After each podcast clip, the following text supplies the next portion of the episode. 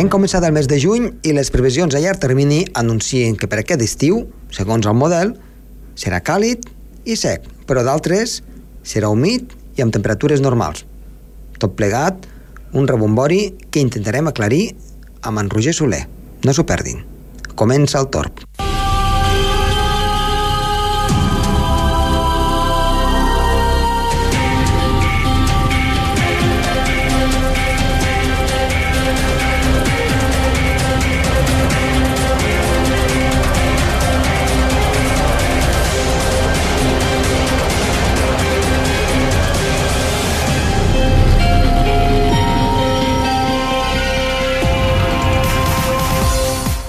Hola, molt bona tarda, moltes gràcies per escoltar-nos una vegada més, ja sigui amb el seu transistor, per internet o, per què no, des del seu vehicle.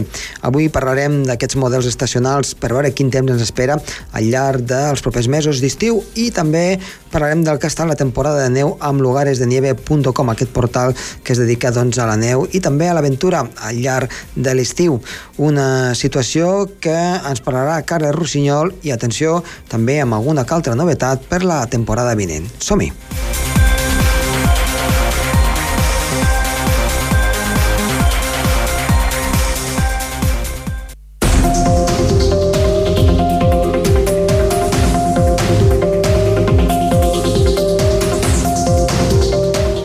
Sintonia de curiositats i és que de fet tenim a l'altre costat del fil telefònic en Roger Soler. Roger, bona tarda.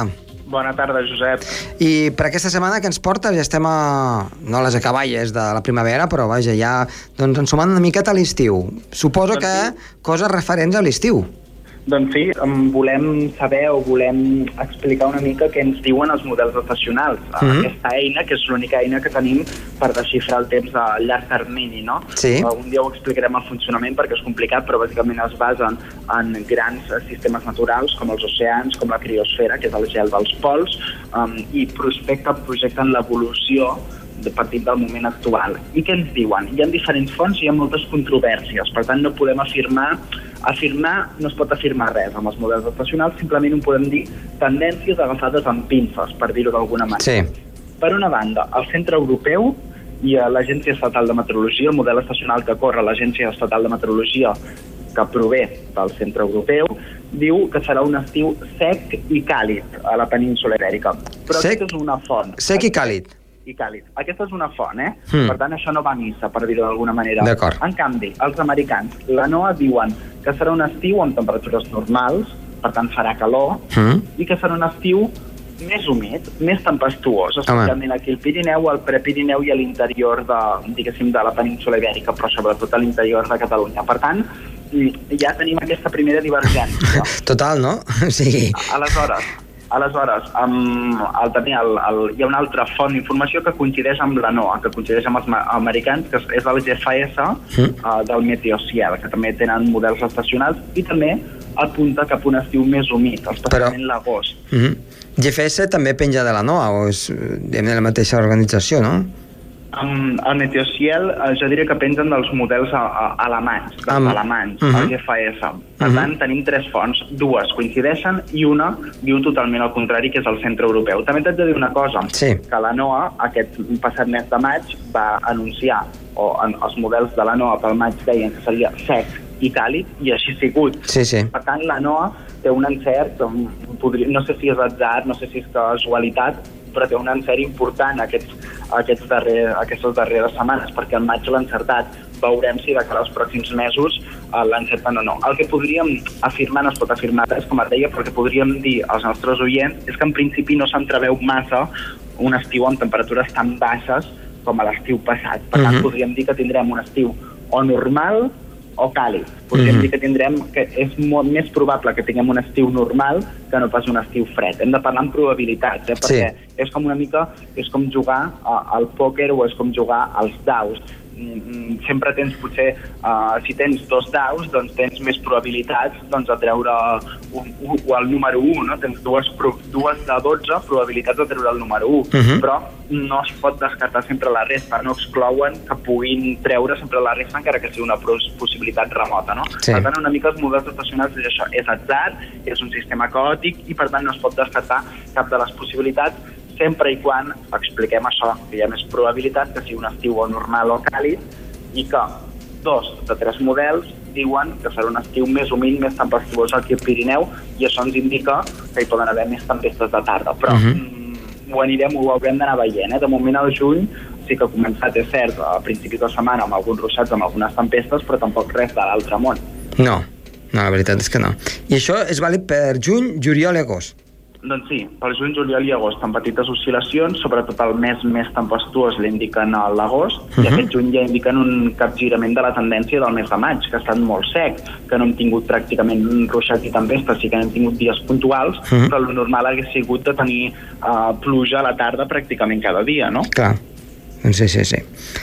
Doncs Roger, eh, estarem ben atents a tot aquest tema al llarg d'aquest estiu, a veure si es compleixen aquests models i en tornarem a parlar doncs, quan iniciem la temporada per a veure si eh, quin és el model que l'ha encertat en aquest cas. Perfecte. Molt, Molt bé, bé, Roger. Moltes gràcies. Fins la setmana vinent. Que, que vagi bé. Adéu.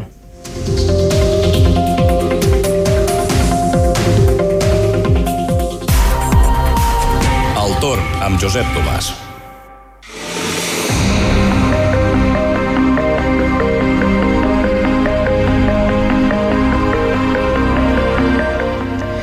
A l'entrevista d'avui ens anem a un portal d'internet que es diu lugaresdenieve.com i parlem amb un dels seus directors, Carles Rossinyol. Molt bona tarda.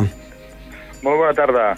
En Carles de Rossinyol ha estat altres vegades aquí al programa Tor doncs, per explicar-nos una mica doncs, eh, tot el que fa referència al món de la neu, a les estacions d'esquí tant de la península ibèrica, d'Espanya, de França, d'Andorra, evidentment, i de la resta d'Europa, fins i tot de la resta del món, a l'inici de temporada per saber una mica quines perspectives hi havia, i ara que ha acabat ja la temporada fa unes setmanes, que millor doncs, que repassem una mica com ha estat aquesta temporada, si més no, a l'hemisferi nord. Carles, en podem fer una mica de balanç, no a nivell meteorològic, eh, si vols també en podem parlar una mica, però a nivell d'esquiadors, a nivell de neu, quina ha estat la sensació que hi ha hagut en general aquí al continent europeu? Eh, doncs bé, si parlem a nivell europeu ha sigut desigual. Eh, la meteorologia ha començat molt fluixa fins a mitjans de gener. Això ha fet que estacions d'Europa, dels Alps eh, francesos i inclús dels suïssos i companyia no tinguessin neu fins a mitjans de gener això ha sigut una, un començament molt dèbil.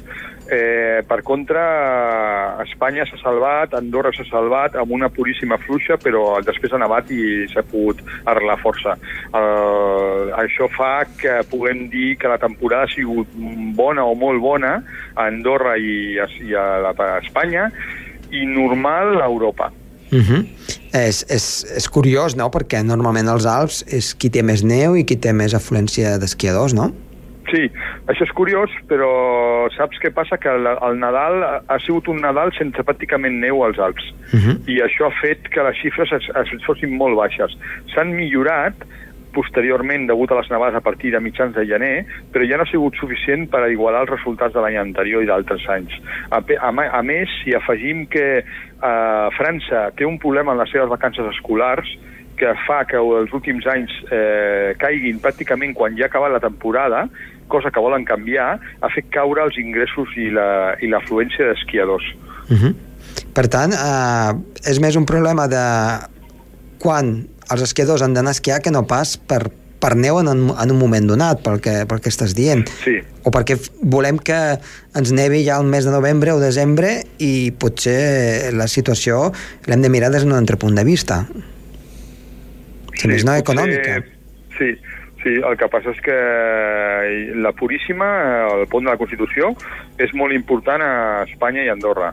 O sigui, ja és un tant per cent elevat dels ingressos de les estacions i la posta a punt de les instal·lacions, cosa important, mm. l'engranatge de tota la infraestructura, es fa a la Puríssima, eh, que, com, com ja sabem, és una, un moment que és una loteria a nivell de neu.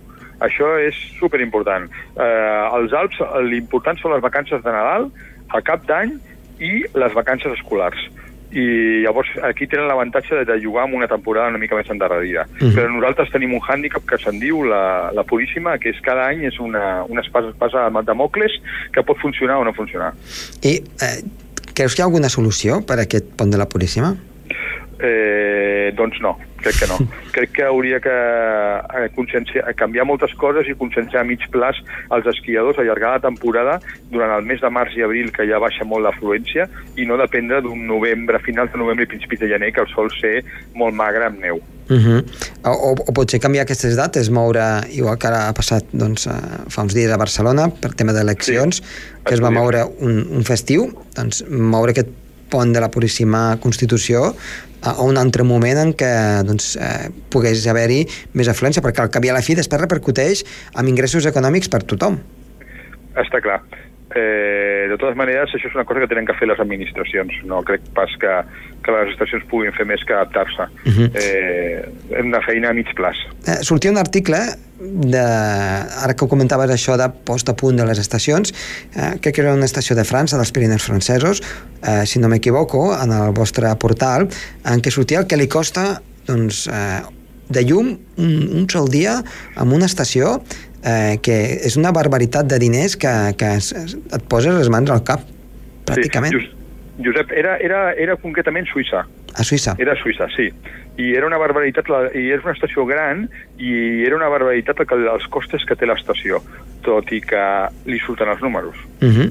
Per tant, um, quan diem que a vegades han de tancar després de Setmana Santa hi ha neu i sempre ens queixem, eh? jo el primer, però si hi ha molta neu, però si es pot esquiar encara fins al mes de maig, i és que és caríssim de continuar amb les estacions obertes a, a, doncs, fora del que és la temporada perquè els esquiadors no et vindran i per tant no tindràs ingressos. És, avui en dia ja és pràcticament impossible, no és com abans, com als anys 80, 90, que doncs mira, anaves tirant, no? És possible tindre-la oberta, sobretot sectors.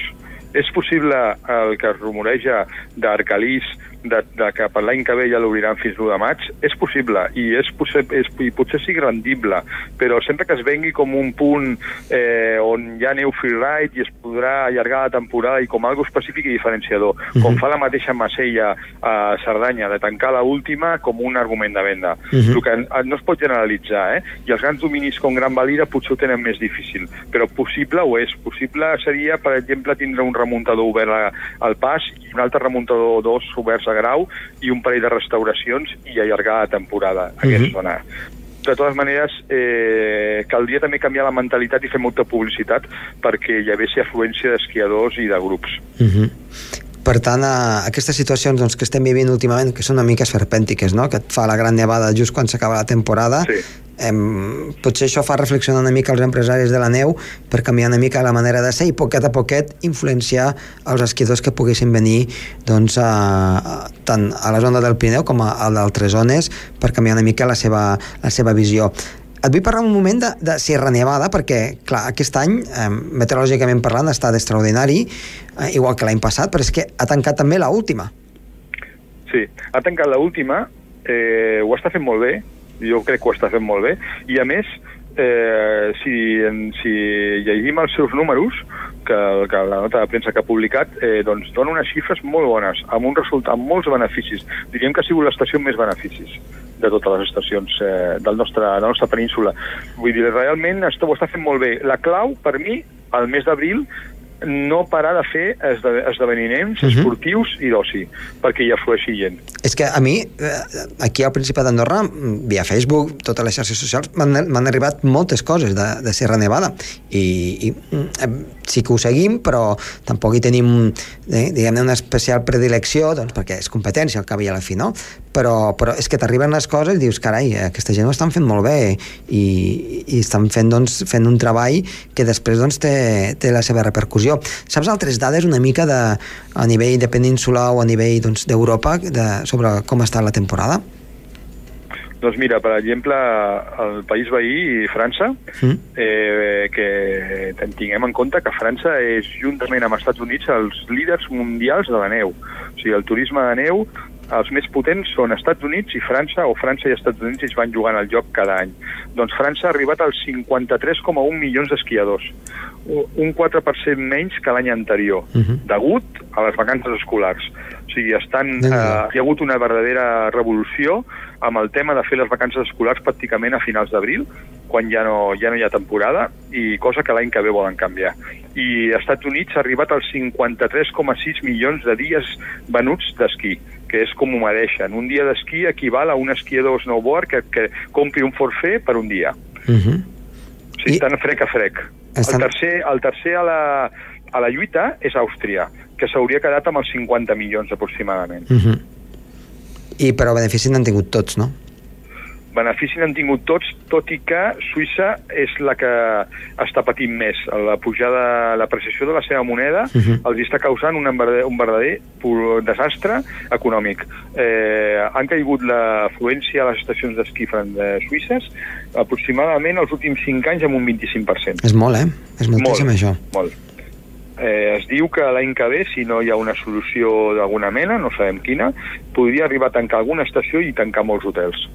I estacions de nova creació mm, aquí al continent europeu que doncs, eh, de cara a la temporada que ve doncs, facin alguna cosa extraordinària o que, o que doncs, inaugurin, que comencin doncs, a treballar? El que hi ha són eh, inversions en remuntadors i alguna unió de dominis. Mhm. Segueixen, les estacions a Euro- a Europa se segueix invertint en remuntadors i en grans instal·lacions. Eh, ara el que destaca més és el nou eh, telecabina de, de, del que és la telefonivia del, del que és el Montblanc, a la zona del Courmayeur, Sí. que tota la instal·lació ha requerit 4 anys de feina i han invertit 105 milions d'euros. Déu-n'hi-do. Això és moltíssim, eh? Molts diners. I amb això pots I- pujar fins a més de 3.000 metres, no? Fins, sí, fins a dalt, sí. Són diversos trams i, i és una meravella d'instal·lació que el que fa és substituir una antigua que hi havia, eh? I, o sigui, més ecològica, més neta, més integrada amb el territori Mhm. i amb el medi ambient i a la vegada doncs espectacular. Mhm. I ells creuen que en uns pocs anys estarà amortitzada. I si ara ens anem doncs, a parlar una mica de, del portal eh, de, de Lugares de Nieve, em, com, com ha anat la temporada també? Doncs a nosaltres ens ha anat força bé, hem pràcticament duplicat visites, cada cop eh, tenim més seguidors a xarxes i a entrades a la pàgina i el que estem fent és obrir noves línies d'informatives i, de, i, i nous temes als que tocar i noves seccions. Mm -hmm. I quan, quan aneu a demanar informació, tothom se, us obre, totes les estacions d'esquí, o sempre hi ha aquell petit secret eh, que doncs, a última hora doncs, has d'anar descobrint, perquè clar, que, que fi eh, sou periodistes eh, que, bus que busqueu la informació. També en aquest món hi ha doncs, els rifirrafes que hi pot haver doncs, en, en política, per exemple, I són, i són. perquè darrere de les majoria d'estacions hi ha eh, governs, Mhm. hi ha administracions públiques i hi ha ajuntaments. Clar. I llavors, doncs, com això, eh, hi ha barreja de política. Mhm. Ara mateix a Espanya, amb les eleccions municipals, hi ha hagut eh, una pila de projectes que s'han parlat i que estan, eh, estan eh, dubtosos degut a les, als resultats que hi ha hagut. S'ha parlat d'ells, s'han venut abans de les eleccions i ara doncs, eh, ja veurem què passa amb ells. Uh -huh. Ja, destacava un, veiem al portal també, uh, sobre el, el, una possible pista indoor a Barcelona. Sí, una possible pista d'indoor a Barcelona que podria ser la millor d'Europa, que tindria unes característiques úniques, amb una sostenibilitat total i un coste zero per la ciutat. Doncs aquesta pista, això tan increïble que sembla que no pugui ser, que no es pugui fer, doncs possiblement no es falli. Uh -huh. Bueno, haurem d'esperar esde esdeveniments a veure si, si doncs, entren en raó doncs, certs, certs sectors de la política, en aquest cas catalana. Um, sí. També, si, si dintre del que és el portal, ara hem acabat la temporada, um, però continua ben viva. Uh, què, què podem trobar a, a lugaresdenieve.com? Doncs trobarem notícies i activitats esportives relacionades amb les estacions d'esquí a primavera i estiu. Uh -huh. trobarem notícies i, i informacions i fitxes de les estacions d'esquí de, de l'altre continent i de, de, de Sud-amèrica i de- i d'Austràlia i Nova Zelanda. I també trobarem notícies de les estacions d'esquí als Alps, als glaciars. Ah, val. A més, sí, a més a més d'això, doncs, bueno, també en aventura i, i reportatges de, de lo que és trekking i muntanya de la, tant d'Andorra com del Pirineu. Uh -huh. Doncs, eh, Carles, eh, moltíssimes gràcies per estar avui aquí amb nosaltres i esperem que tingueu un bon estiu i que doncs, el vostre portal tiri endavant i la temporada que ve doncs, que, que, que es vagi a tope i que sobretot que nevi molt. Doncs moltes gràcies i convido a tots els eh, oïdors de la, del programa que entrin a lugaresdenieve.com i veuran que val la pena. Doncs moltes gràcies, Carles. Fins la propera. Fins la propera. Adéu.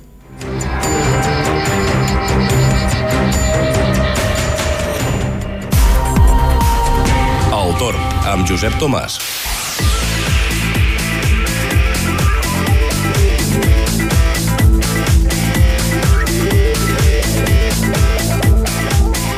Doncs bé, encara podem potser fer alguna esquiada en algun racó del país a l'alta muntanya d'aquests bojos eh, de l'esquí doncs cap a la zona d'Arcalís, cap a la zona de la Coma, encara queda una miqueta de neu i es pot fer potser alguna baixadeta potser molt arriscada, però en definitiva encara hi ha neu. Ens envien vostès fotografies en les quals es veu com, en, tot i que la neu, evidentment, va reculant molt ràpidament, encara hi ha alguna que altra congesta. I també per disfrutar de la muntanya al llarg d'aquest cap de setmana, els recomanem que surtin de bon matí. Per què? Primer, perquè el dia és força llarg, ja pràcticament a dos quarts de cinc del matí ja clareja, és el moment en què doncs, eh, pràcticament al llarg d'aquest mes el dia doncs, té més hores de llum i per tant es pot aprofitar tota la jornada, fins pràcticament des de les mm, dos quarts de cinc com dos quarts de sis, millor dit, del matí fins les dos quarts de deu de la nit. Per tant, moltíssimes hores, més de 12 hores de llum i això doncs, es poden fer llargues tirades a la muntanya d'aquí del Principat d'Andorra. Quin temps ens espera doncs, per fer aquestes excursions? Un temps típic de primavera, pràcticament primavera d'aquesta càlida ja tirant cap a l'estiu. I és que, de fet, al llarg de la jornada de divendres, eh, i riem perquè doncs, no canviem la situació respecte al que ha estat doncs, la dinàmica d'aquesta setmana, tindrem sol. Sol al matí de divendres, també sol al matí de dissabte i sol al matí de diumenge. Per la tarda, la cosa ja canvia una mica, i és que, de fet, hi haurà nuvolades, tant el divendres, dissabte com diumenge.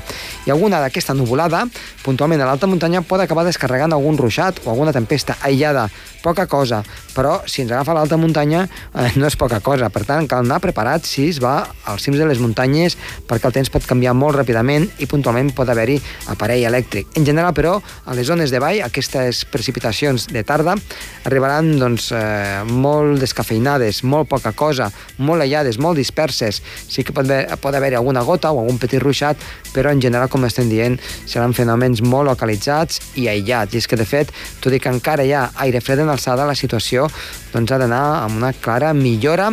En aquestes properes jornades l'aire fred doncs, es va escalfant una mica, per dir-ho d'alguna manera, i els vents seran fluixos de component sud-sud-oest. Les temperatures es mantenen al llarg de divendres, baixen una mica dissabte i tornen a pujar diumenge. Valors a zones de 2.000 metres entre els 12 a 17 graus, depenent una mica del dia i també amb unes mínimes que volten entre els 4 a 6 graus positius. Per tant, les temperatures doncs, eh, prou, prou acordes amb el que és aquesta època de l'any. Si se'n van fora del Principat d'Andorra també la situació ha de ser molt tranquil·la. En zones de costa doncs, s'espera el sol que sigui el protagonista i amb una temperatura que poquet a poquet anirà pujant i no s'esperen grans precipitacions. Com a màxim, en alguna zona de muntanya alguna tamborinada de tarda al llarg de dissabte i diumenge, però en general de força, força aïllat. A zones, com estem dient, marítimes, aquestes nuvolades arribarien molt, molt trencades i, per tant, no hi hauria precipitacions. En definitiva, doncs, unes jornades, un cap de setmana, cada ser típic primaveral, més tirant cap a l'estiu, potser amb algun ruixadet de tarda, però sense més, per tant, amb tranquil·litat i amb força calor.